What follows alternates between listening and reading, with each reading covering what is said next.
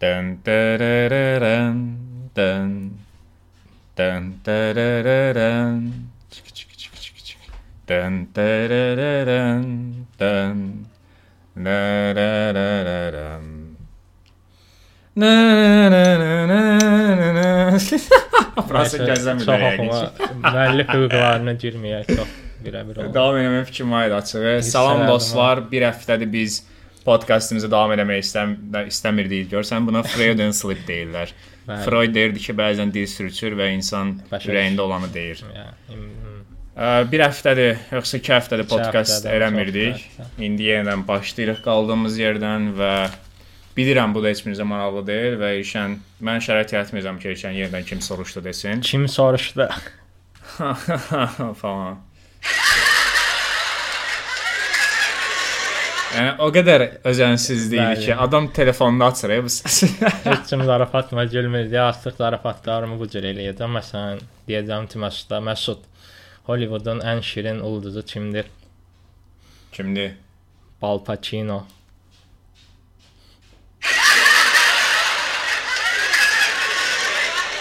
Məsələn. Sirk səni, yəni sadəcə zarafat. Bir yox. saniyə gecikmə olur arada o biraz. o da indi diğer auditoriya gec başa düşülmüşdü. Hə, Bal Pacino zarafatı nə qədər gec başa düşmək olarsa, o qədər gec başa düşürlər yəqin ki. Al Pacino şirkəti açar. Necəsən? bal kimi yapar deyərdim amma eləməyəcəm belə də. Sən nə əsas sən necə sən bil, bilmirsiniz yəqin ki Məsud bu aralar yorğunluqdan həyatına son vermək istəyirmiş. ABC-sidir nədir onda mübarizə aparsan və Orada da məğlub olduğun Bəli, həmişə, hər şeydə bir şey dəyişmədi, əksinə geriyə düşdük boş. Bu arada ABC-nin finalı tədbir kimi oldu mən. Hə, belə belə Gördüm iştirakçı olmayanlar da gedirdi. Mən Hə, amma çağırmamışsan? mən açığı yazmışdım. mən heç kim yazmamışdım. Mən yazmışdım qrupa. Qrup nədir? Okay. Amma heç kim vezin almadı, amma yenə də kaş gələrdiniz. Mənim sadəcə bir neçə nəfər dəstəkləməyə gəldi. Buradan zarafat eləyəcəydim amma çox dramatikləşdi deyə effekt başqa vaxt işlədərəm. Nəysə, Başlayaq, çox uzatmayaq. Məncə hamı ha, gündəm bu arada mahnını oxudun amma niyə oxuduğunu demədim bu arada. Niyə oxuduğunu deyək, elə onunla başlayaq birbaşa.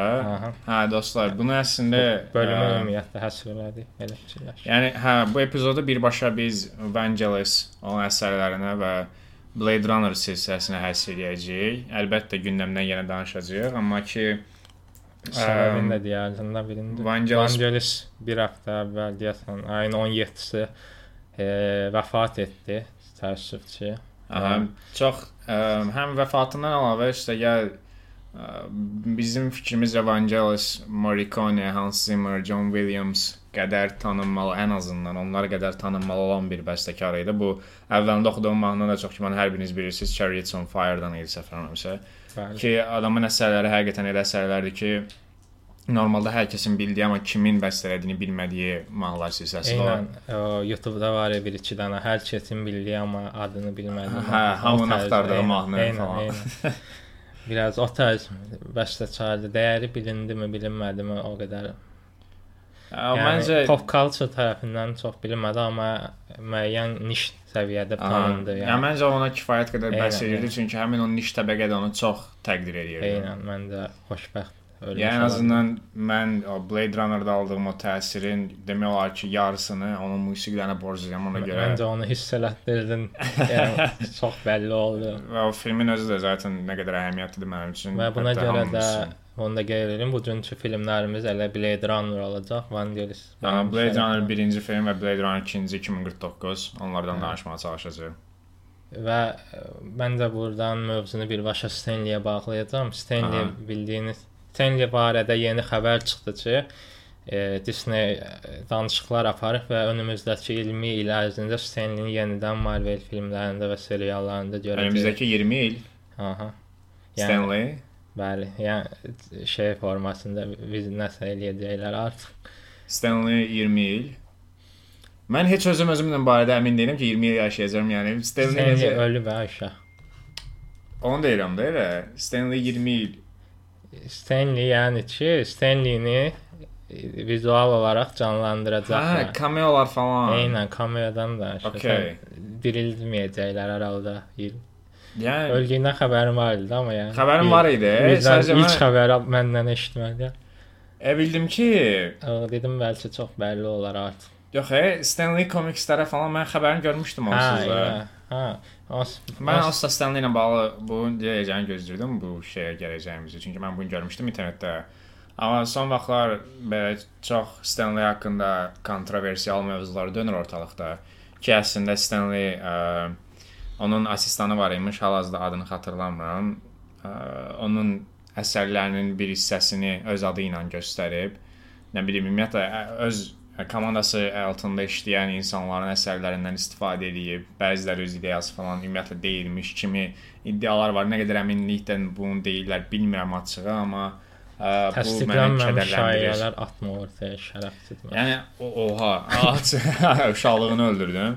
Açığı ə, bunu sadəcə dedim bəlkə maraqlananlar da araşdırar. Mən gördüm çox araşdırma vaxtım olmadı bu. Mən də ondan daha çox sən də bu bəs bu addımı necə dəyərləndirsən? Mən məsələn çox dəstəkləmirəm tamamilə. Mən niyə dəstəkləmirəm? Stanley yaşayanda kameoları olması çox məntiqli və dəyərli idi çünki bilirsən ki, adamın öz işidir və öz özün də bir parçası olması həqiqətən mənalıdır, amma ölmüş və görmür, hiss eləmir bir şeyi, sadəcə ruh kimi ortada olması həqiqətən bilmirəm, sanki rek advertising kimi gəlir artıq. Yəni onsuz advertisingdir. Bu arada e, bu yadıma düşdü. Stanley'in Twitter hesabından bir komiks personajını çox tanınmayan Enfiti kimi satmaya çalışmışlar Twitter'dan. O vaxt çox pis gündəmə düşmüşdü elə 200 Yəni kanalı. mən bu cəhdlər çox kədərləndirir. Əslində bu Blade Runner-da da bunu görmüşdük. Sean Young-ı ə, 2049-da cavan- canlanlaşdırmışdılar belə. Yəni bu bilsən çox ə, yenə mübahisəli mövzudur. Yəni ölmüş birini əslində ölümünü dəyərləndirən şey odur ki, onu artıq bir də görməyəcəyik və o həyatımızda heç bir rol oynamayacaq ölməmişdən əvvəl etdiklərini çıxmaq şərti ilə. Və sən o bir şəxs öldükdən sonra onu yenidən diriymiş kimi onunla bağlı hərəkətlər Ölümün etdikdə dəyəri itir, ölümünün dəyəri itir bəli. yaşamın dəyəri bilmirəm. Yəni bu artıq çox mənasız bir şey olur. Bəs Bilirsən. əgər biz Stanley-ni davamlı olaraq görməyə davam edəcəkdiksə, ə, bu ölüm anlayışının burada nə mənası olurdu ki, yaxınlara falan söhbət Yəni, getmir. e, söhbət yenə gedir, mən auditoriyadan. yenə e, görə bilərdi, şəkli kimi görə bilərdi, nə bilim. Yəni Spider-Man No Way Home-da məsələn bir maşının e, nömrəsi Stanley-in ad günü ilə eyni idi. Belə tərzdə görürdük Hə. məsələn. Bu məndə daha yaxşıdır. E, Adını yaşatmaq animasiyada özünü- görərdik. Animasiyasını düzəldərdilər. Animasiyada da olacaq onsuz. Ha, o olsun okeydir, amma mən realda məsəl üçün Amma kinoda görəndə Animasiyada bilirəm ki, prosta səsini ist- istifadə eləyəcəklər də. O da var. A, bax ona belə okeyəm, amma ki onu real göstərmək bu artıq nə bilim m, başa düşmürəm. Star Wars-da yəni. var idi, o Star Wars-da birbaşa personajdır. Star Wars-da Hansısa e, prequellərdə də səhv eləmirəmsə hansısa Hə, Carrie Fisher-ı göstərmişdilər. Hə. Elə ən birinci oralarda çıxdı. Yəni Hə. Carrie Fisher vəfat edəndən sonrakı kinoda, hə, şəklini göstərmişdilər və oradan onsa backlash yaranmışdı ki, bəs bunu necə edə bilərsiniz də Carrie Fisher-a? Eynən. Bunu ən yaxşı məndə hələ ki tək yaxşı örnəyi Paul Walker-ın Əlvidası məndə. Paul Walker möhtəşəm idi. Eynən, həm qardaşı idi oynayan, o da belə daha mənalı idi, həm də əlvida idi, bir növ Aha. sağollaşma idi. Amma Yəni burada deyəsən heç bir kommersial məqsəd yox Eynən. idi deyə bilərik. Var idi biraz, amma o da fair enough da, E, ədalətli kifayət qədər. Amma bir ara tam əmin deyiləm nə qədər doğrudur, amma deyəsən Paul Walker-ı da təzədən qaytarmaq istəyirlərmiş kimi eşitdim. Ya onu ya da onun personajını və çox yəni o cür finaldan sonra ümid edirəm tək belə bir şey. həmin o final söhbətin dəyəri olacaq. Yəni Paul Walker-ın ölümü o qədər şey idi ki, mən Farsajı 3-dən 4-dən sonra baxmağa dayandırmışdım. Oturub 7-yə baxmışdım. Yəni ki, ayda Paul Walker ölüb.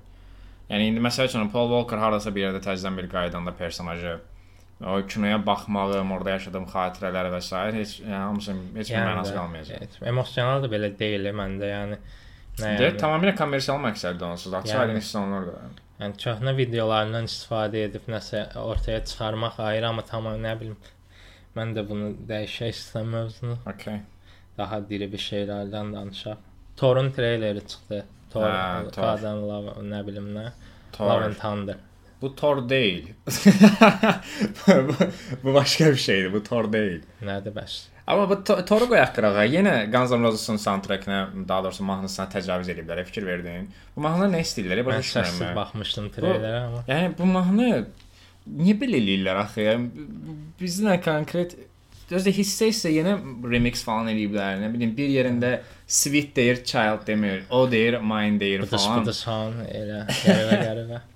Yo, Bəlkə filmin özündə daha bir- birləşiyorlar deyə bəlkə daha yaxşı olar, bilmirəm. Yəni ümid eləyirəm açığı amma nə bilim Sweet Child o man 7 dəqiqə falan deyəsən onu eşidəcəyimizi zənn etmirəm. Yenə də qayıdaq treylerə. Treylerə Christian Bale-la başlayıram mən birbaşa çünki Okay, Christian Bale çox Allahdır. çox yəni, adam başlandığı gördüyümüz səhnədən treylerin səviyyəsi artdı, fikir verin. yəni, ən çox danışılan Christian Bale olması çox. Çox Adama Allah dedi. Allah qatili kimi qarşı, Allah qəssabı kimi. Rolun adı Allah qəssabı. Yəni qatili krala layiq oldu da konkret. Batman Batmanimizdən bir Marvel filmində görmək həqiq mən ən sevdiyim Batmanlərdən Bir də biridir. açığı mən onu tanımıram komikslərdə falan, amma biraz ə, Doktor Manhattan vibe aldım. Bilmirəm nə qədər oxşardılar, oxşar Mən deyirlər. bilsən də çox kimi oxşatdım Kratos, God of War. Hə, O okay. da Allahları falan öldürürlər. Ola bilər, bəli. Özdə videolar da oxşuyurdu, boz. Aha. Ona daha çox oxşatdım.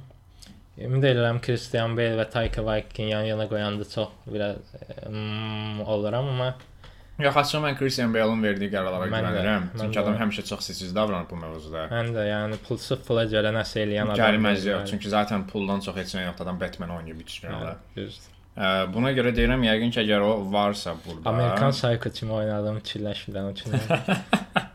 Çox əylənərdi. Qışqıra qışqıra çıxar. Russell Crowe da vardı bu kaset qaytarmaqdan yəni. Russell Crowe gördüm mən. Zeus idi və e, Taurus Mən, mən. Russell Crowe-u görəndə əsl çox xoşuma gəldi. Çünki adamı son vaxtlar çox yerdə görmürəm və ən son ə, Other Guys-da idi deyəsən. Kino adı Məsələn tam yazma deyil. prodüser olaraq. Hə, Ryan Gosling-dən bir kinosu var idi, bir də action komediya falan qarışıq. Çox bəyənmişdim də o performansını. Mən deyəsən axırıncı o Cem Yılmazla olan kinosuna baxmışdım. Yoxsa o çox nə oldu bilmirəm.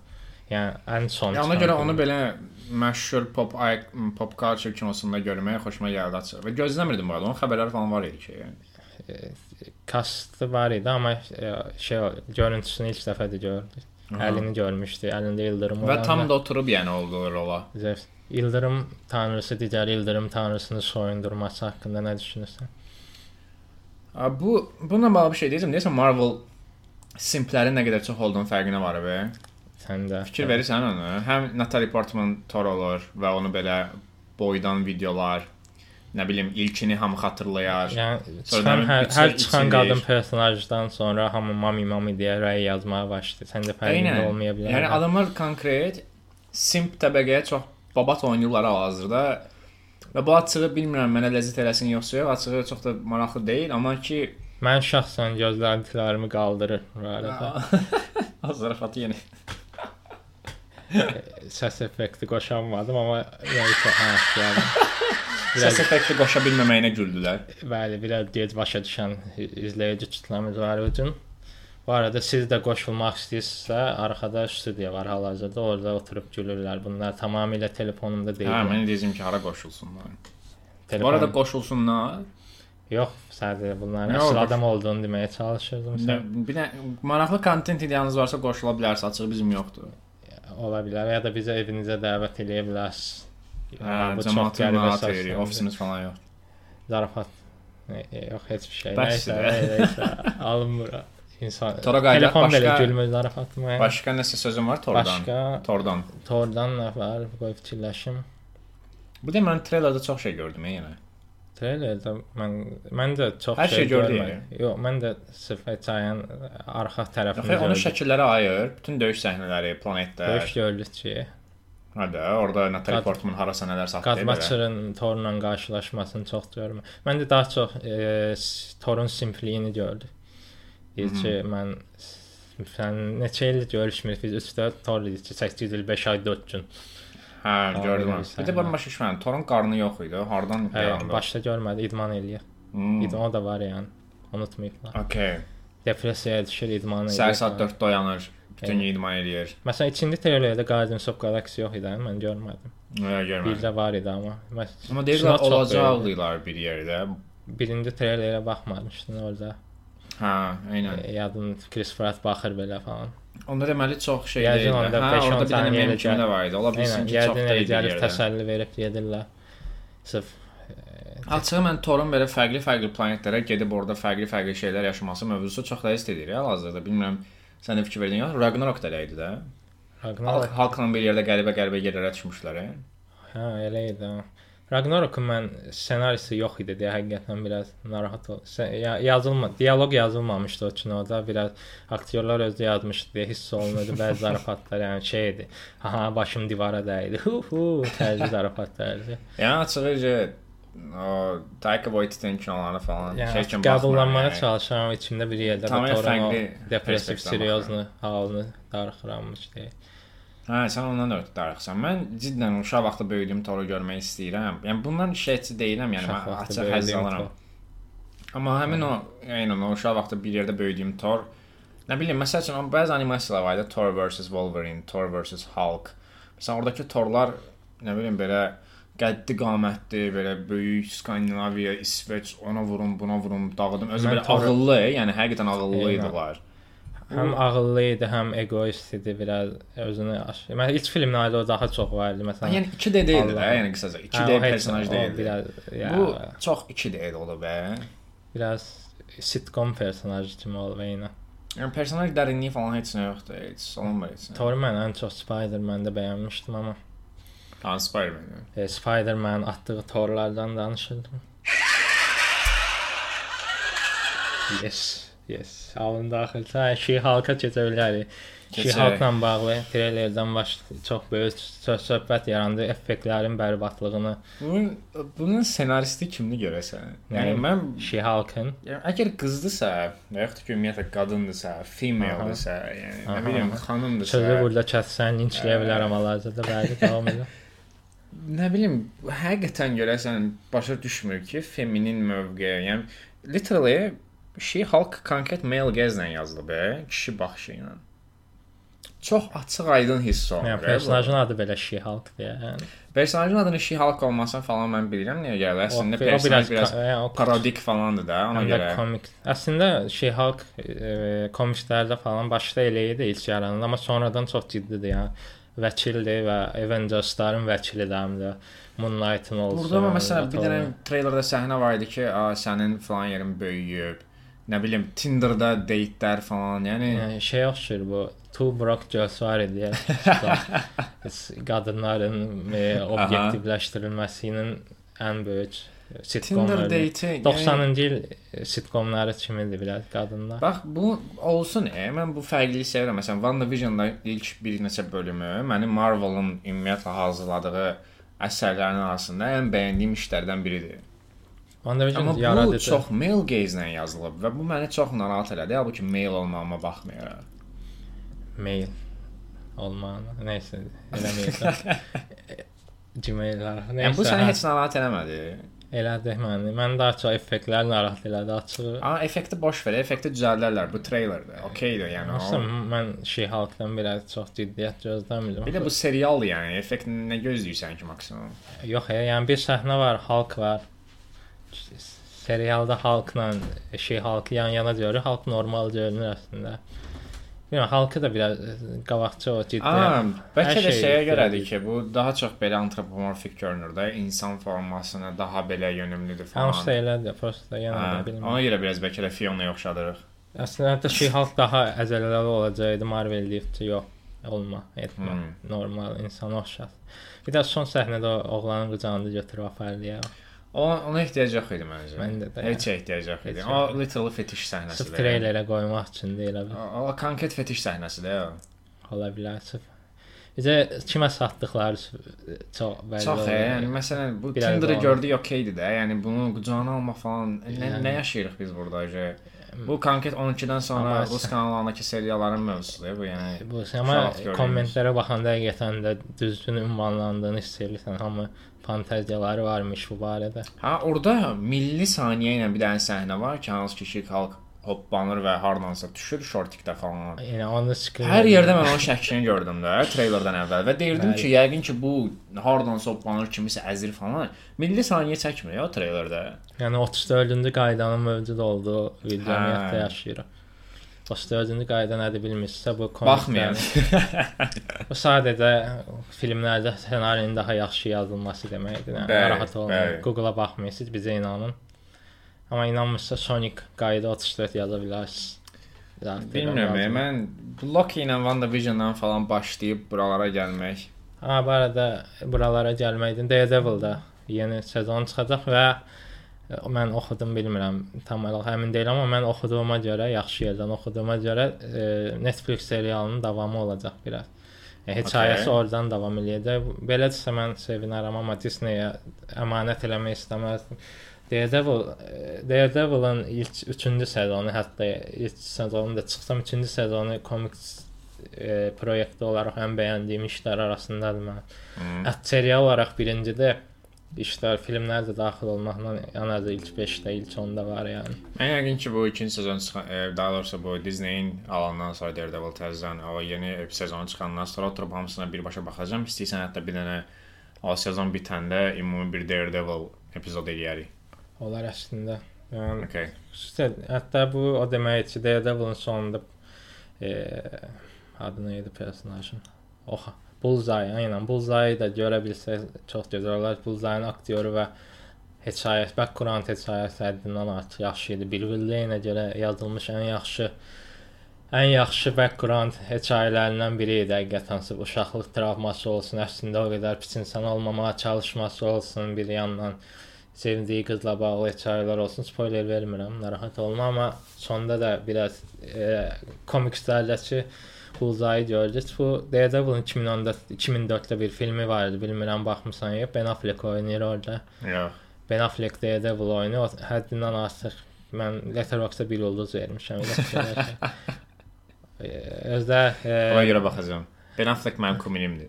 bax orada bir dənə səhnə var. Daredevil 12 mərtəbədən yerə tullanır, ayağı üstündə normal dayanıb qaçmağa Wow. davam eləyir falan belə dəxli. Mükəmməl. Bu Ben Affleck-də də. Aha. Mütləq baxacağam. Bullseye-da Colin Farrell oynayır. Ya Oha, castinga bax. necə? Castinga casting- bax. O bilən, ha, şey də e, Kingpin-i də o Green Day-dəki qara dəlli var idi ya.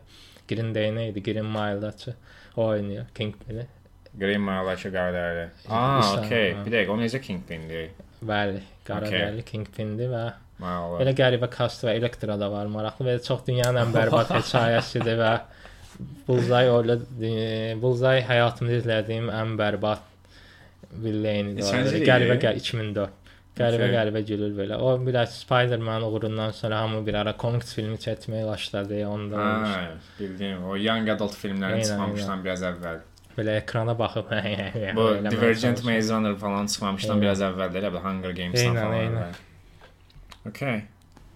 Bir də bu millət bizim bir də ideyamız var bu podkastlarla bağlı. İstəyirik kim soruşduğundan əlavə ə, bir seriya hazırlayaq. Hansı ki, həmin seriyada original versus remake-dən söhbət getsin. Məsəl üçün bir dənə denən orijinal film və onun remake-i.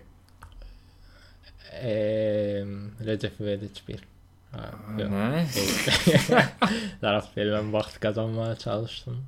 Niyə intervyu Ha, Old Boy, bir də Old Boy Amerikan. Bəli, məsəl üçün və yaxud da ki, Hanakenin ə, Funny Games-i və onun yenidən Hanaken Bəli. özünün hazırladığı digər bir remake və s. Bununla bağlı bir podkast hazırlayıb hər ikisi haqqında müzakirə etmək istəyirik. Əgər sizcə də bu maraqlı fikirdirsə və ümumiyyətlə original versus remake-də hansı kinoları eşitmək istəyirsə, rəylərə yazın. Biz də onları dəyərləndirək. Ümumiyyətlə rəylərdə çox az yazırsınız, amma yenə də hansısa mövzunun danışılmasını istədiyini yazsanız, yəni ə, ə, çox sevərəm. Yəni mən açığı gözləmirdim ki, bizi bu qədər izləyən olar, amma ki var, çünki yazanları görürəm birbaşa hətta. İzləyənlərə səslənirəm. Yəni siz də öz fikirlərinizi, öz e, müzakirə mövzusu olmasını istədiyiniz şeyləri yazın, haqqında boş-boş danışaq və ya zarafat edək. Bu əslində soruşduqlarınızı da danışa bilərik, narahat olmayın. Soruşmadıqlarınızdan əlavə. E, mövzu qutardı. Bitdi Yox, gündəm. sənin sözün qutardı. George Miller Ya şey deyirdim yəni insanlara səslənişim Hə, hə, o bitdi, o okey. bitdi. George Miller demişdən. Hə, George Miller, George Miller'ın təzə treyleri çıxdı. Sən yola veribsən belə. George Miller'ın təzə treyleri deyəndə George Miller'ın təzə filminin yeni treyleri çıxdı. Hə, George Miller tanınırsınızsa Mad Max-in ə, rejissoru, Mad möhtəşəm dahi hətta. Mad Max-lərin bəli və Happy Feet animasiyasının da rejissoru olan Bəli, bəli. dahi rejissor. Nəysə, kino ə, maraqlı kinoya oxşuyur. Deməli Tilda Swintonla İdris Elba'dır. Al Ed İdris Elba. Elba, Elba. Baş rollarda oynayırlar və mən Tilda Swintonun fanatıyam. Mən İdris Elbanı Ə, xoşlamıram. İdris Niyə Elba ilə mən də neytralam açıq, amma ki Tilda Swintonun olduğu hər şeyə baxaram da. Ad- Düzdür, Sonic-də yaxşı oynamışdı amma yenə də naqlı səsləndirirdi. Hə, bi- hə, hə, bildim. Sən onu demişdin mənə baxanda. Ofisdən deyəsən, ofisdən sonra yarandı deyəsən, onda mən də şey e, simpatiyanın antonimi nə idi? Ə, Antipatiya. Əsas- Antipatiya yarandı biraz. Niyə? O Hə, personaj İdris Elba. Niyə orada yaxşı idi məncə? rol itici idi. Okey. Özündən özündə problem yoxdur onun. Rolları biraz məni narahat eləyir. Məncə İdris Elba yaxşı aktyordur, amma orada da məsələn treylerdə də belə yəni nisbətən ob İdris Elba objektification Marvel-də var. var idi. Nə? Marvel-də oynamışdı deyəsən. Hə, Heimdall oynamışdı. Heimdall idi də, hə, Thor-da. Heimdall qara eləmişlərdi, hamı ağlayırdı biraz. Hə, mən heç vecimə də olmamışdı amma bir şey Niyə olaraq. vecin olsun? Yəni? Komik film izləyicisi olaraq. Bilmirəm, həm də o vaxtlar mən dəyişib belə maraqlanmıram çünki Heimdall olanda biz neçə yaşımız var idi ki, birinci dəfə Heimdall-ı görəndə. 2010 falan Hə, yəni və mən yəni 10 yaşlı bir uşaq olaraq bunu heç care eləməmişdim ki, Heimdall zəncidir də. Zəngi deməyə, amma 10 yaşında bunu desən həqiqətən çox e, yerlərə gəlmiş ola bilərdi. Yəni nəysə də treyler Hə, treyleri bəyəndim. Treylerdə möhtəşəm vizuallar var idi. Açığı hekayə barədə heç bir fikrim olmadı treylera baxandan sonra, çünki tamamilə vizuala fokuslanmışdılar. Amma hadisələr İstanbulda keçir. İdris Elba cindir. Elə bil Tilda Swinton ə, Aladdin-dəki kimi bir dənə qab tapır, qabı oxalayır, oradan cin Pingvin çıxır var. falan. Pingvin bilmirəm. Pingvin niyə? Happy Feet deyil. Hə, of, of. Nəysə də. Özün dedin də bayaq yəni. Bu arada onun maraqlı hekayəsi var. Wikipediyada oxuyarsınız. George Millerin sonra davam etməməsi, onun niyə o proyekti götürməsi falan kimi belə çox in- interesting söhbət var. Tam yadımda deyil deyə, deyə bilmirəm, amma onun arxa fonu var belə maraqlı. Yadıma düşsə deyərdim Elif. Okay, heç birimizə heç nə qatmadın hala. Heç bir informasiya vermədən Amma Wikipediyada da, yəni Happy Feet-ə baxsaz görəcəksiniz. Okay. Box office uh, Everything Everywhere at All Once filmini təbrik eləyə bilərik. Edə bilərik. Şeyin ə, 24-dən ən çox qazanan Ən- film aha. oldu. Hətta mən o Daniellərdən birinin tweetini gördüm, halbuki yaz, yazmışdı ki, biz heç vaxt profit güdməmişik, amma bunu görmək bizə həqiqətən çox sevindir arada və mən. Daniellərin başqa bir filminə də baxdım. O vaxt Sivisə. Ha, o vaxt baxdım, bəyənməmişdim başdan. Axıra kimi baxdım, çox bəyəndim bu səfər. Çünki Mən orada İyrənc. o rolu görə biləcəyimi, yəni o personajın özünü yox, başda çox pis edir, amma bir 10 dəqiqə, 10-15 dəqiqədən sonra daha dərinləşir hər şey. Belə. Aha, onsuz 2 dənə kinoları var da deyəsən. Bilmirəm. Mən bilən 2 ya da 3 olmalı deyəsən, belə bir şeydir. Tam belə ə, nə isə. Amma A24-ün daha kommersial filmləri var idi əslində. Bunun birinci olacağını gözləmirdim heç. Çox hype-landı yəqin ki Amerikada. Çünki Avropada falan da belə çox 53 milyon da əslində, yəni Aynen. A24 səviyyəsində çoxdur. Yəni Okay, Elə 53 də. milyon az amma. e, bir Marvel səviyyəsində çox qazanmadı, yəni A24 səviyyəsində çox qazandı yenə də. Nasıl 40 kino falan çəkmişlər. Mən heç düşünmürəm ki, büdcələri çox olsun. Yəni, Yəni- 50 milyonlar üçün çox böyük rəqəmdir böyük ehtimalla. Mən yəqin başqa bir yaxşı xəbər də verim. Ən azından Buyur. Doktor Who sevənlər üçün. Doktor Who-nun special bölümündə David Tennant və Catherine Tate yenidən bir araya gələcək. David Okay. Tennant-ı tanıyırsan, yəqin ki, Tanıyıram. çox ən sevdiyimiz Dok Doktor Who fanatlarının ən sevdiyi 3 doktordan biridir deyə bilərəm mən. İkonik. Əslində o, o da bizim uşaqlığımıza düşür də deyəsən. Çox uşaq Düşür, yox düşür. belə yeniyetmə olduğumuz falan. Eynən. Yəni Doktor Who-nu 9 Məncə onunla tanımışıq hətta. Mən onunla tanımışam deyəsən. Geçən ondan qabaq da bir doktor. Doktor çoxdur, 12 dənə doktor var, amma bizim vaxtımızda düşən doktorlardan biridir. Okay, hə deyirəm ona Hətta görə birincisi mən ola onunla bilər. tanımışam hətta. E, bu qədər xəbərlər. Xəbərlər bu qədər. Okay, Blade Runner keçə bilərik. Keçə bilərik. Birinci hansı ilə başlayaq deyə sual verirəm. Birinci əlbəttə Blade Runner-ın orijinalından başlayaq çünki ə, yəni Blade Runner-ın orijinalı elə əsərdir ki, yəni açığı mən ə, bura gələndə fikirləşirdim ki, Blade Runner haqqında bizim əlavə deyə biləcəyimiz nə ola bilər? Və burada Yarım ağlıma saat gələn sonra. yeganə şey oldu. burada ağlıma gələn yeganə şey oldu ki, Blade Runner-dan əvvəl insanlar görəsən ə, bu şeyi, bu boşluğu Cyberpunk. necə doldururdular? Cyberpunk boşluğunu. Hə. Yəni bu ümumiyyətlə kiberpunk, nə bilim, oradakı ə, science fiction tamamilə fərqli, nə bilim, adamlar noirla, neo-noirla ə, science fiction birləşdirmişlər və bu Blade Runner elə bir filmdir ki, 2004-cü ildə bir dənə məşhur bir polda, yəni ki, ə, siyahıya alınma deyək, ə, orada 60 nəfərlik alim tərəfindən ən yaxşı science fiction filmi seçilib. Yəni bu kino olmamışdan əvvəl insanlar görəsən onun boşluğunu necə doldururlar? Çünki Blade Runner bir filmdir ki, məsələn, ondan sonra yarananlar Ghost in the Shell-ə belə yaranmasına səbəb olan kinodur bu. Hansı ki, Runner Ghost in the Shell-in özü də etalondur science fiction-da. Bəli, məndə də Blade Runner-ın e, Blade Runner-dan əvvəlki işləri fikirləşirəm hal-hazırda da görüm sənin dediyinlə uyğun gələn bir şey varmı deyə. Ağlıma çox bir şey gəlmir. Blade Runner ya, özünün o vizual kontrastı ilə hansı ki, işıqların, o qaranlıq işıqlar və parlaq işıqlar bir yerdə. 70 Neçə? 82. 82. ha. Okay. Blade Runner e, təbii ki, Vangelis'in bayaq da qeyd etdiyimiz musiqi. Onun rolu onsuz da danılmazdı yəni. E, Yox, kitabın adı nə idi? bu film Robot androidlər Androidlər yuxu. elektrik Android qoyun sayırmı Yox, yuxularında? Androidlər yuxusunda qoyun sayırmı? Aha, elektrik qoyunlar, elektron qoyunlar, belə Ha, robot bir qoyunlar şey, eynən. sayırmı falan belə bir şey desən. Robot da olmaya bilər, amma Philip Dickin əsəri idi də option. Eynən Philip Dick. Ümumiyyətlə bunun adaptasiyasında Philip Dickin əsərinin adaptasiyasında istəyiblər Philip Dickin özü rol oynasın, amma sonradan bu məsələ alınmayıb və tamamilə fərqli adaptasiya ediblər. Daha doğrusu kinoya uyğunlaşdırıblar. Amma ki ə, kitabın özündə Blade Runner özünün vibe-ını almayacağız təbii ki. Çünki Blade Runner tamamilə yeni bir stilistikanın təməlini Blade qoymuş Runner-ın filmdir. təbii ki, mən ən azından mənim üçün ən sevdiyim tərəfi atmosferidir, yəni. Yəni Blade Runner-dan sonra çıxan filmlərdə belə, yəni bu günə kimi hələ ki o atmosferin eynisini Yoxdur. ancaq Blade Runner axtarıram, yəni. 2049-da görmüşəm, yəni. Mən bir bəzi müəyyən ə, yerlərdə görmüşəm, açıq məsələn Ghost in the Shell-lərdə görmüşəm. Amma ki o Blade Runner-ın unikallığı heç harda yoxdur cidden. Hətta Yəni yağış səhnəsi belə, yəni. Hə, məsələn tərkibində olan nə bilim metaforlar, nə bilim, bax adamın vizyonu elə bir vizyondur ki, heç kimin təsəvvür eləmədiyi bir distopik gələcək yaradır, hansı ki John Milton'ın o Paradise Lost, itirilmiş cənnət yəqin ki bizin dilində. Ə, itirilmiş cənnət əsərindəki cəhənnəmi göstərə biləcək adam Los Angeles mənzərəsi yaradır. Və burada da təbii ki, orada production designer-da bir ə, şəxs var idi. Adını xatırlamıram. Bir neçə ay bundan əvvəl o da vəfat etdi.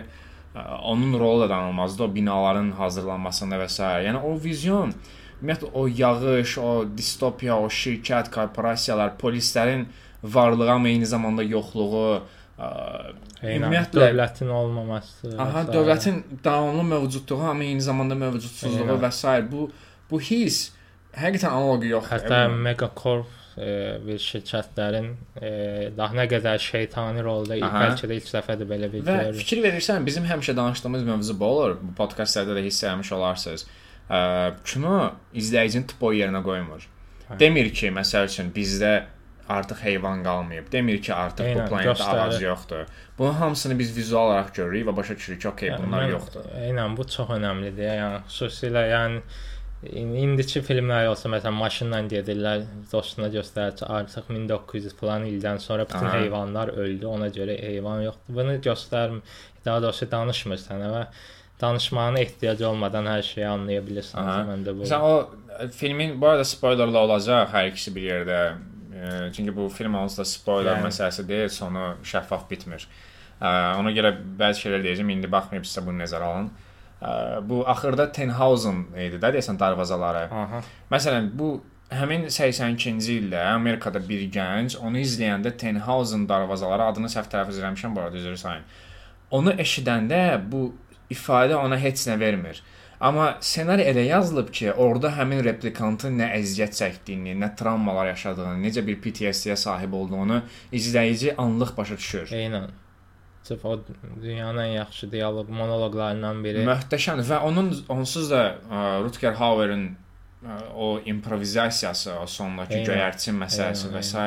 bu yəni tüklərin biz bizə hazırda danışanda həqiqətən belə bir şey yoxdur. e. Bizdə görmürük Yəqin bunları. tarixin ikonik səhnələr arasında ola biləcək. Mütləq və orada nə bilim səhnənin anlıq belə dayanırmış kimi olması, Eynən. yağışın üzərinə göz yaşları kimi Harrison, eynən. o göz yaşları məsələsi nə idi də? Adam yəni ilk dəfə ona baxanda mən necə tutulmuşdumsa, özünə məsələn film boyu biz ə, Descartes-ın tərəfində oluruq. Ümumiyyətlə bu replikantlara belə baxırıq ki, bunlar nə edir də? Çünki başa düşmürük. Kino bizə həqiqətən heç nə vermir o cəhətdən ki, bunların arxa fonu nədir və s.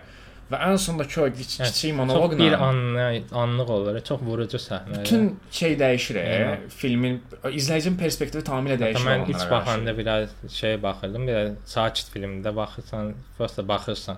Amma o səhnəyə gələndə də çox qəribə olmuş. Ağırlığını anlıq hiss edirsən, hə. Sanki film birdən-birə başlayırmış kimi. Sanki filmə baxdığını o anda anlayırsanmış kimi Mhm. olur. Və var ya replikanslarla bağlı da e, 2049-dan bunu tam görmək, daha doğrusu 2049-dan fərqli olaraq burada replikanslarla insanların fərqi daha açıq olunur. Mən Aha, orada çox onsuz da bu ə, franchise-ın ümumiyyətlə bu kinonun əsas təməl mövzusu odur ki, insan olmaq nə deməkdir. Eynən. Yəni bunu sorğulamaq istəyir ki, bu Ghost in the Shell-də də çox barizdir. Ə, insanı nə bilim, insan kimi olan bir androiddən fərqləndirən xüsusiyyətlər nədir? Çünki bizim gördüyümüz replikantlar demək olar ki, insanların tamamilə eynidir. Yəni adı üzərində replikantdır, replikasiyasıdır. Və ə, biz film boyu onsuz da Descartes-ın özünün şəxsiyyətində bunun ə, müzakirəsini, mübahisəliyini görürük ki, Descartes həqiqətən replikantdır yoxsa insandır? Ki, məncə replikantdır bu arada. Ə, və bu artıq insanı istərsəmə sorğuladır ki, insanın fərqi nədir mövcudiyyətinin? Yəni biz bir varlıq olaraq bizi insan edən nədir? Mən bunu çox yaxşı nəzərdə saxlayınca film 82-ci ildir, yəni. Yəni bundan əvvəl bu yox idi. Yəni və həmin illərdə çox gərgin siyasi, siyasi məsələlərin, o iqçilik məsələlərinin biraz daha indiki dövrə baxmayın da, indiki dövr daha hamımızın aydın olduğu bir mövzudur, amma 82-də belə bir mövzunu, belə bir metaforla ortaya yəqin ki, ortada iqçilik metaforası da var idi. Təbii ki, onsuz da Yəni, hər şey. şəkildə var idi. Bu yəni edilə biləcək ən yaxşı Yəni, metaforalardan Ən biri. idi. kiçik mənada məsələn bu göz metaforları ki, ə, bu filmdə gözə çox toxunur hər yerdə demək olar ki, ə, hətta Blade Runner 2049-un başlanğıcında belə göz görürük. Bəli. Yəni bu artıq o deməkdir ki, biz həqiqətən gözümüzlə qəbul etdiyimiz şeylər bizim üçün realdır yoxsa real deyil. Məsələn, bir replikantı insan formasında görürük. Bəs o insandır yoxsa yox? Bəli. Yəni bu artıq bu filmi izləyəndən sonra ki, həm ambiyansdan, həm musiqilərindən, Vangelis'in şahəsərlərindən, həm ə, Ridley Scott'un vizyonundan, nə bilim, dialoqlardan, tərkibindəki o kontekstdən, hər tərəfdən mükəmməldir bu film. Bəli. E, personajın adı nə idi bizim? Descartes. E, yox, replikans qadın.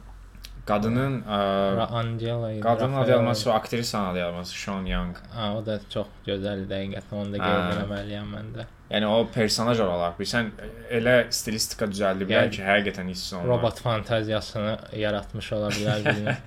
O məsələn siqaret səhnəsi, Eynən. bayquş. Yəni ayrıca detallara fikir verən orada məsələn bir şahmat səhnəsi var hansı ki ə, filmin sonlarında idi deyəsən ə, bu Tyler şahmat Ha, oynayır. Personaj başqa bir aynen. Aha və o şahmat məsəl üçün çox məşhur Immortal Game var. Hansı ki 1886-cı ildə falan oynanılıb.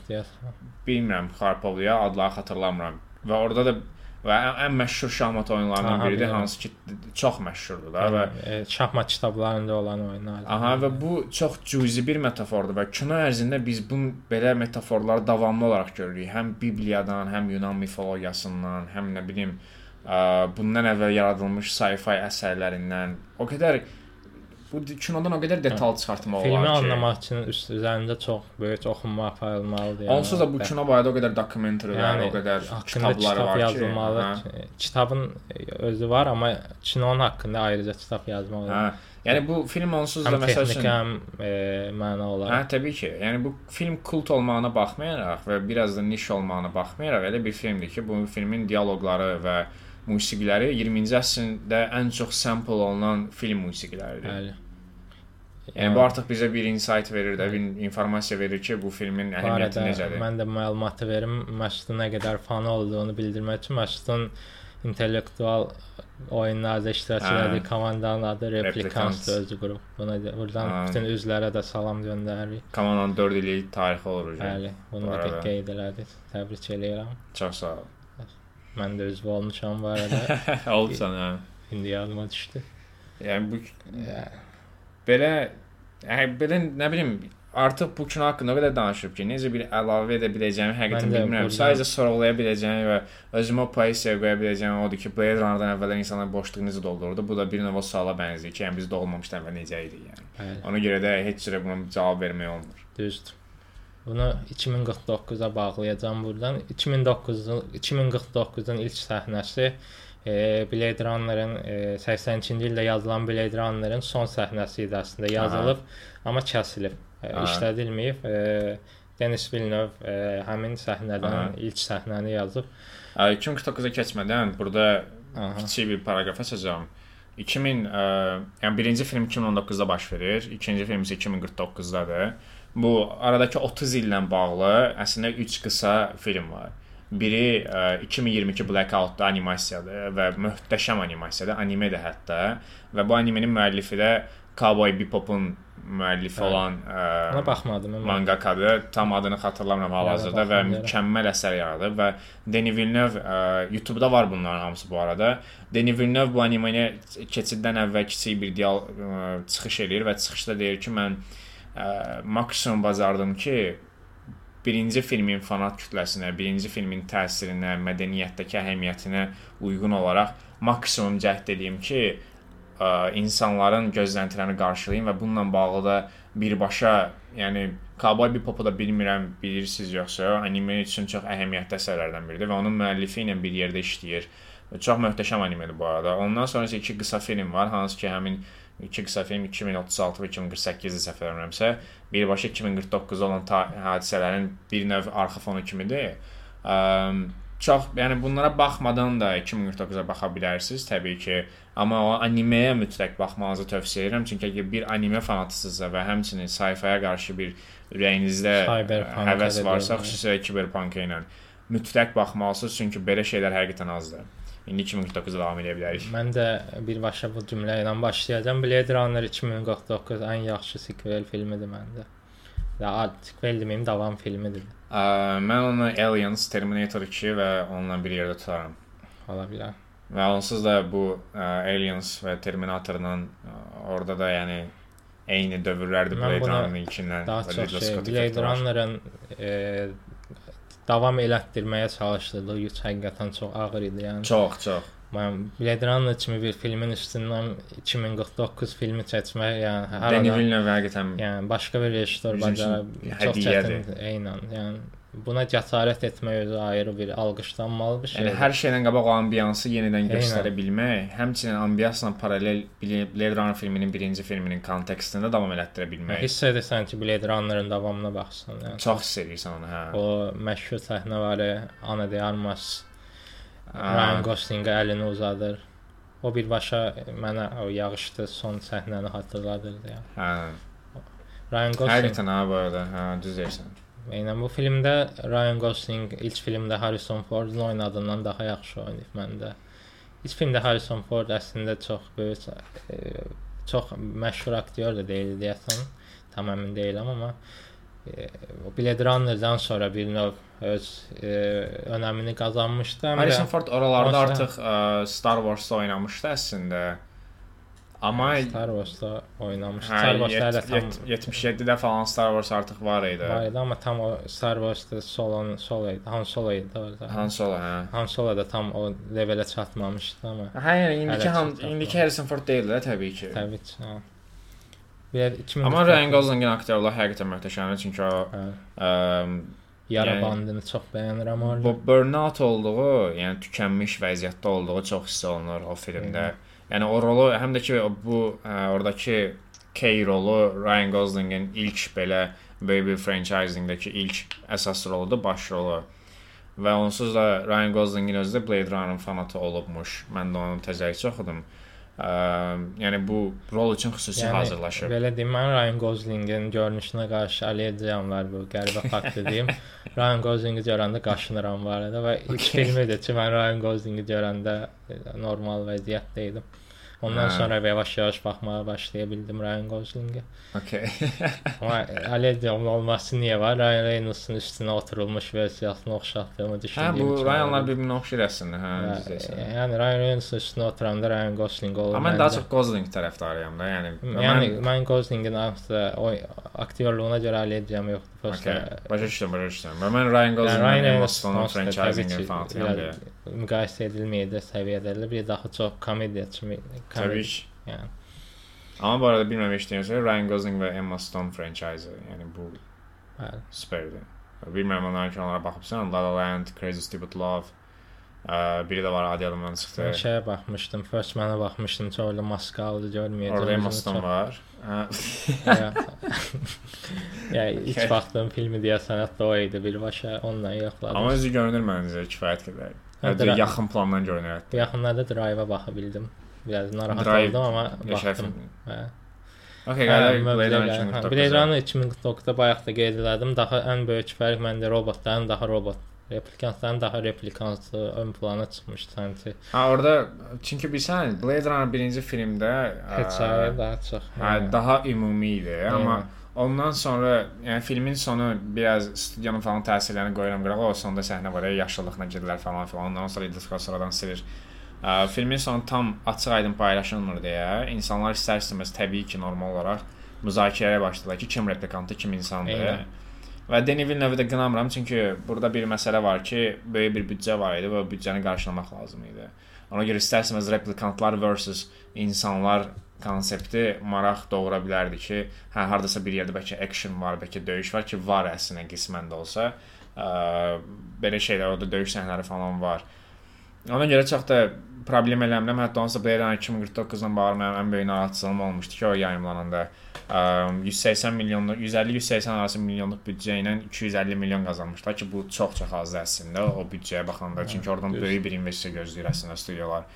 Və sırf ona görə də qorxuram ki, bu ə, yenidən Blade Runner görməyə bilərik ki, insanlar necə bunu belə ediblər bilmirəm. Halbuki Dune-da belə olmadı. Dune-u həqiqətən qarşıladı ki, məncə bu Timothée Chalamet ilə Zendaya faktoruna görə idi. Bir də orada Javier Bardem, nə bilim, kitab kütləsi Ay, kitab kütləsi var idi, bəli. Amma yenə də Blade Runner da kultu. Yəni məncə Dune-la Blade Runner-ın nişliyi ə, qismən eyni səviyyədə idi. Sadəcə olaraq Dune daha çox pop ə, ikonasıdır. Yəni, məncə, Dune daha ikona. çox Harry Potter tərzə bir məşhurluğu vardı məndə. Yəni sci-fi-ın Harry Potter-ə demək olar. Bəlkə. Hə, ola bilər. Yəni məşhurluq sən, olaraq. Okay, ya Harry Potter deməyə a lot of things yəni. Ha, yəni Dune mən məşhurluq olaraq amma düzdür. Lord of the Rings ən çox satan Harry Potter-dir deyə ağlıma ilk gəldi, amma Hə, okay. Okay, Lord of the Rings daha məntiqlidir əslində düzdür. Ki, bir də fikir ver, 2049 hər nə qədər Blade Runner möhtəşəm davamçısı olsa da, ayrılıqda bir film kimi də izləmək mümkündür və Denis Villeneuve özünün də o imzasını görə bilirsən Eynə. filmdə. E, bir-bir kopyası necə qoruyub? Mən başa düşmürəm. Amma mən də açıq Denis Villeneuve yəni Sənət tam Denis Villeneuve filmi deyil, amma içində Denis Villeneuve var. var yəni o dalğanı o axarı yəni. görürsən. Ki bunu dünyada da gördük məsələn. Mən hansısa Denis Villeneuve kinosuna baxanda bilirəm bu Denis Villeneuve kinosudur. Yəni. Və 2049-da da mən birinci filmə məsələn baxmasaydım, bilərdim ki, okey, bunu mütləq Denis Villeneuve çəkib və heç birinci filmə falan uyğunlaşdırmağa falan cəhd eləməzdim ki, bundan əvvəl nəsə bir şey var imiş ki, mənbə yəni, oradan istifadə Blade Runner-a baxmasanız, Blade Runner 2049-da baxsanız, yəni bəyənəcəksiniz məndə. Bəyənəcəksiniz təbii ki, və müəyyən problemlər yaranacaq, çünki mənim Təbii ki, yəni, Harrison Ford falan var orada da. Biraz bu kimdir lan deyə qalacaq. Bu hardan çıxdı falan. yəni, şey, yəni, tənqid yazıram. Filmdə arxa hekayəsi verilməyən personaj var idi kimi tənqid eləyirlər belə. Hə. Halbuki bir dənə Google-lası var. Yəqin ki, elə adam yoxdur. Ki çoxdur, var, çoxdur, dəhşət çoxdur. Hə, televizorda falan görmüş ola bilər. Heç Blade Runner birincidən, a, ülgüc üzərində qaçan elə tərcümə eləmişdi o vaxtı. Space-də idi deyəsən. Sən necə tərcümə eləyərdin? Mən elə Blade Runner yazardım yəqin ki, və yaxud da tamamilə başqa bir adaptasiya eləyərdim.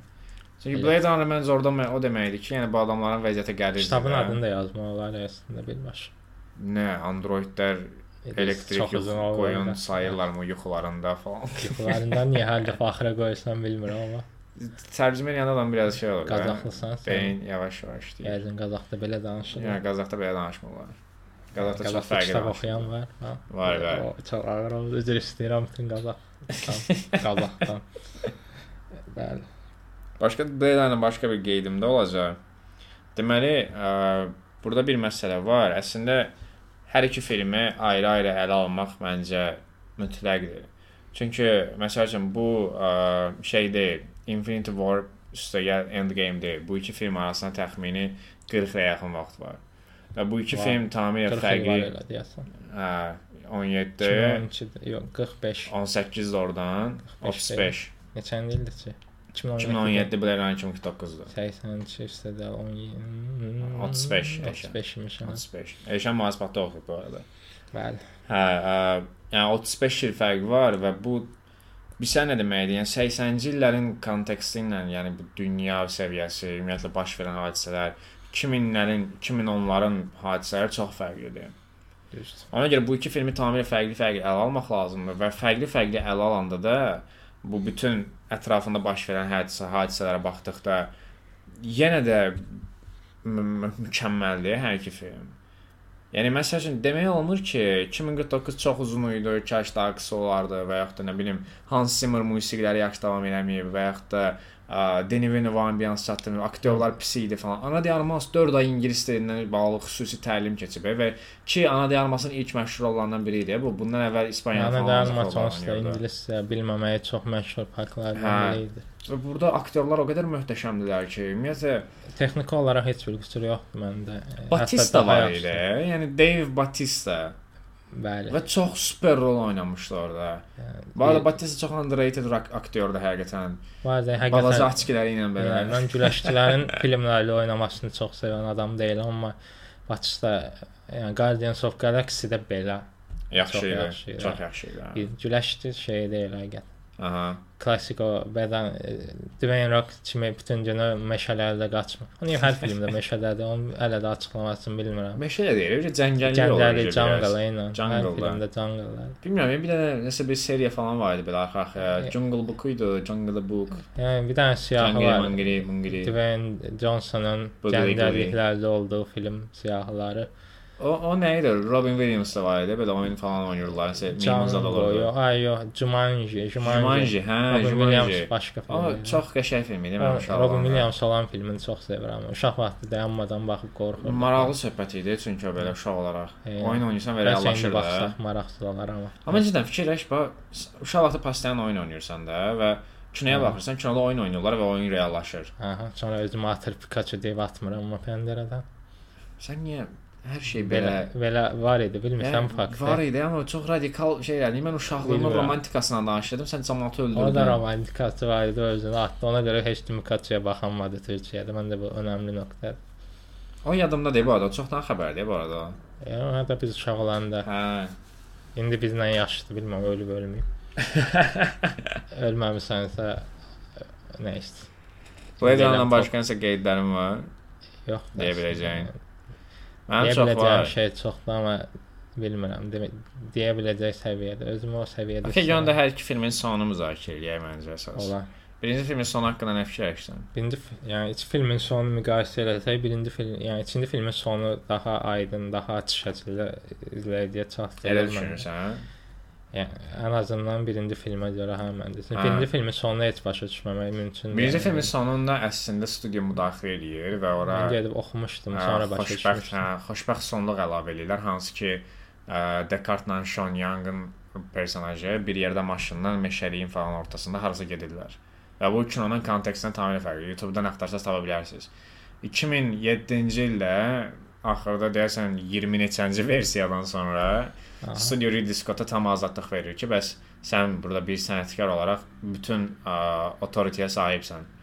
Və Ridley Scott o səhnəni təbii ki, silir, müəyyən səhnələrdə silir, bəzi başqa səhnələr əlavə edir və s. Və kino tamamilə ə, insanların ağlındakı formasına gətirir. Və bu əsl final cut-dır. Və birinci filmin sonu zaten mükəmməldir. Onu müzakirə etməyə ehtiyac yoxdur Yəni. və sən oradakı səhnə hansı ki unicorn yuxu söhbəti var, ya, unicorn yuxusu görür Descartes. Aha, Eynən. O Descartes-in məşhur mövzularından biridir də, o yuxu ki, uşaqlığı falan. Ə, hətta orada origami əsəri də var idi. Məsələn, onu de Ridley Scott əlavə eləyir ən son versiyada, daha doğrusu saxlayır və bir növ demək istəyir ki, orada sən xatırlayırsan, sonda bir səhnə var, orada origami var, unicorn origamisi.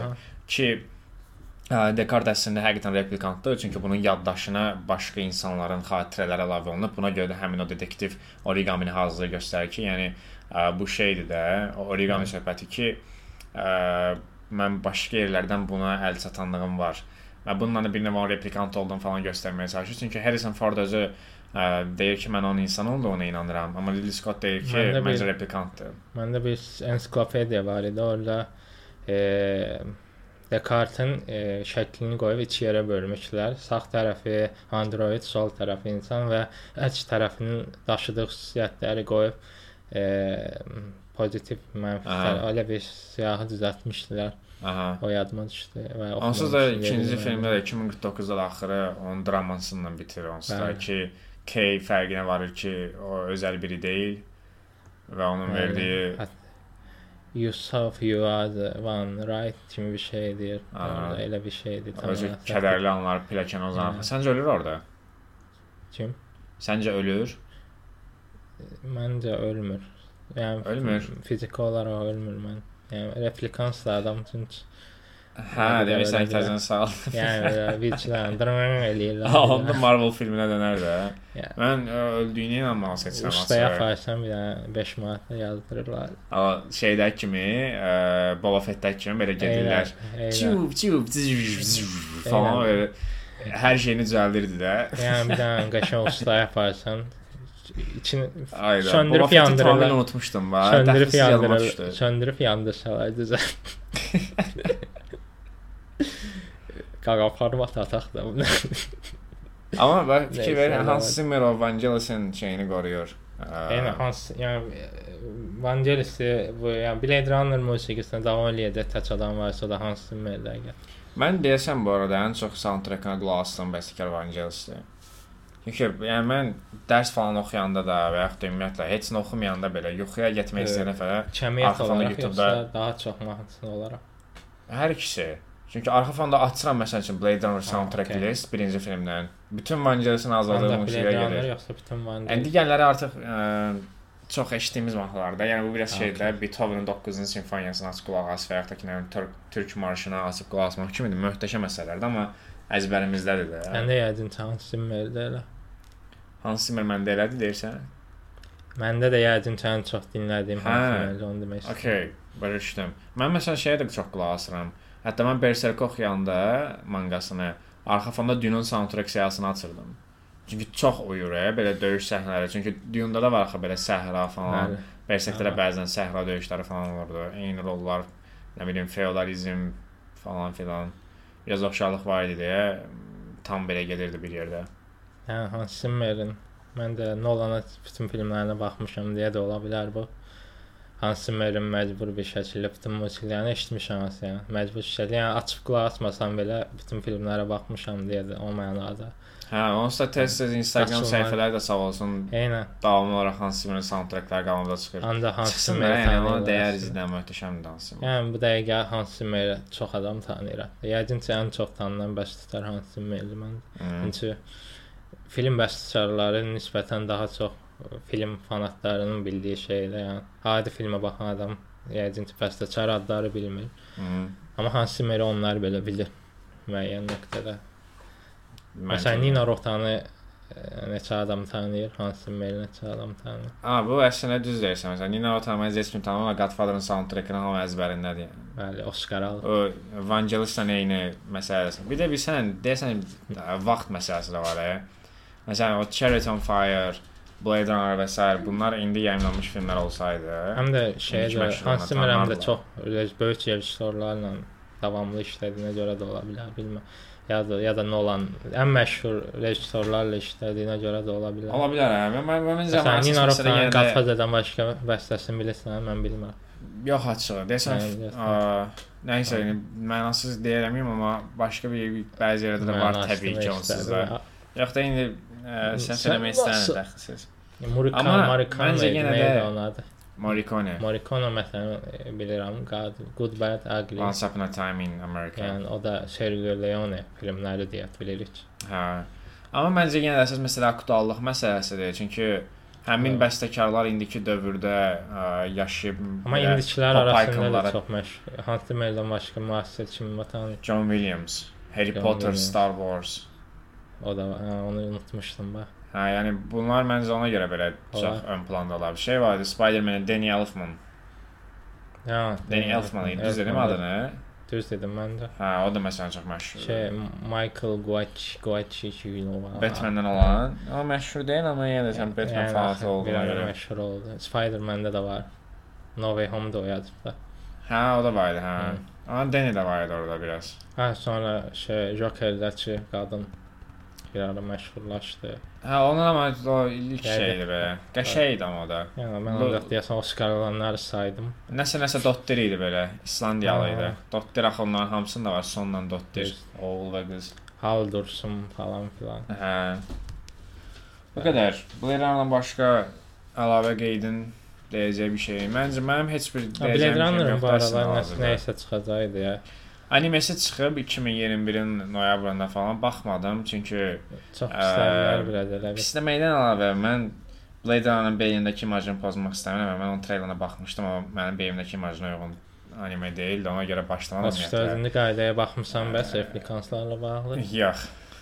De deyirəm imajını pozmaq istəmirəm deyirsən. Sonra o gəlib tutar bizi soruşun qayda. görüm bəlkə imaj Bu arada qalıb. aranızda animeyə baxan varsa, əgər o imaja uyğundursa deyin, gedin baxım, amma deyilsə ə, qeyd eləyin çünki Deyilsə hentaylarını yoxlaya bilərsiniz. özümü zorla tuturam. Animesinə hentaylarını yox. Aha, Bu qədər. bəli. Gələn həftə nə danışırıq? Bir dənə siyahını açım. Seçdik kinoları biz. E, sıralarda gələn həftə şey Sən eləyək. kalendarı ən düzəltmədin sevdiyimiz elə? filmlər eləyək. Sən niyə kalendarı düzəltmisən? e? Mən Mən- eşənə siyahı atmışam. İşim var Ayşə. Bütün bu gün var. Hamının bu, işi var. Sus sən ABC-yə hazırlaşsan, bir əlində mangolu smuzi içib ABC-yə hazırlaşsan. Qətiyyən elə şeylər mən Buradan verib bütün mangolu smuzilərə salam göndər. Mənim magistr imtahanım var və əskəri riskim var. Yəni mən magistr imtahanı verə bilməndə əskəriyə aparırlar. Bunun bu bir risk qədər Mən magistr oxuyuram. Mən də öncə bitiribsən. Mən sən getdiyin yolları falan şey eləmişəm belə. Bumuram mən. Ağla. baxıram və Bax. məncə biz ə, Totoro və Mononoke-yə baxa bilərik. Prinses Totoro ilə ya Prinses Mononoke ilə My Neighbor. Totoro. Niyə? Bilmirəm, çox yorulmuşam anime görməkdən. Ham Miyazaki-ni çox sevirəm bu arada, amma hamı anında 700 like gəlir deyə biraz qıcıq olmuş. Okeanda sci-fi ilə davam eləyib District 9 və Monkey-isə baxaq. Um, olar əslində olar. Okay, gələn həftə Biz Monkey-ə baxmışam, Discnine-ə baxaram. O bir də baxarsan. Twelve Monkeys heç olmaz. O müzakirə olunmağa dəyər mövzu məncə. Olar. Filmdə daha doğrusu. Monkey sevmişəm. Okay baxaram. dostlar, bizi dinlədiyiniz üçün çox sağ olun. Biz indi elədiyimiz müzakirəni əslində daha əvvəlcən də eləyə bilərdik, sonda da eləyə bilərdik, amma siz də qoşuldunuz. Yəni gördünüz də qərar vermə prosesimizi. Adamın moduna uyğun deyil deyə kalendarı dəyişirik. Bəli, acayip bu, bu sizə problem yaradırsa kim soruşdu? Onu Baxmış nə olmadı? çox vaxt problemlərim var və that's what she said. Sağ olun dostlar. District 9 və 12 Monkeys-ə baxacağıq gələn həftə. Özünüzə yaxşı baxın. Görüşərik. Bye.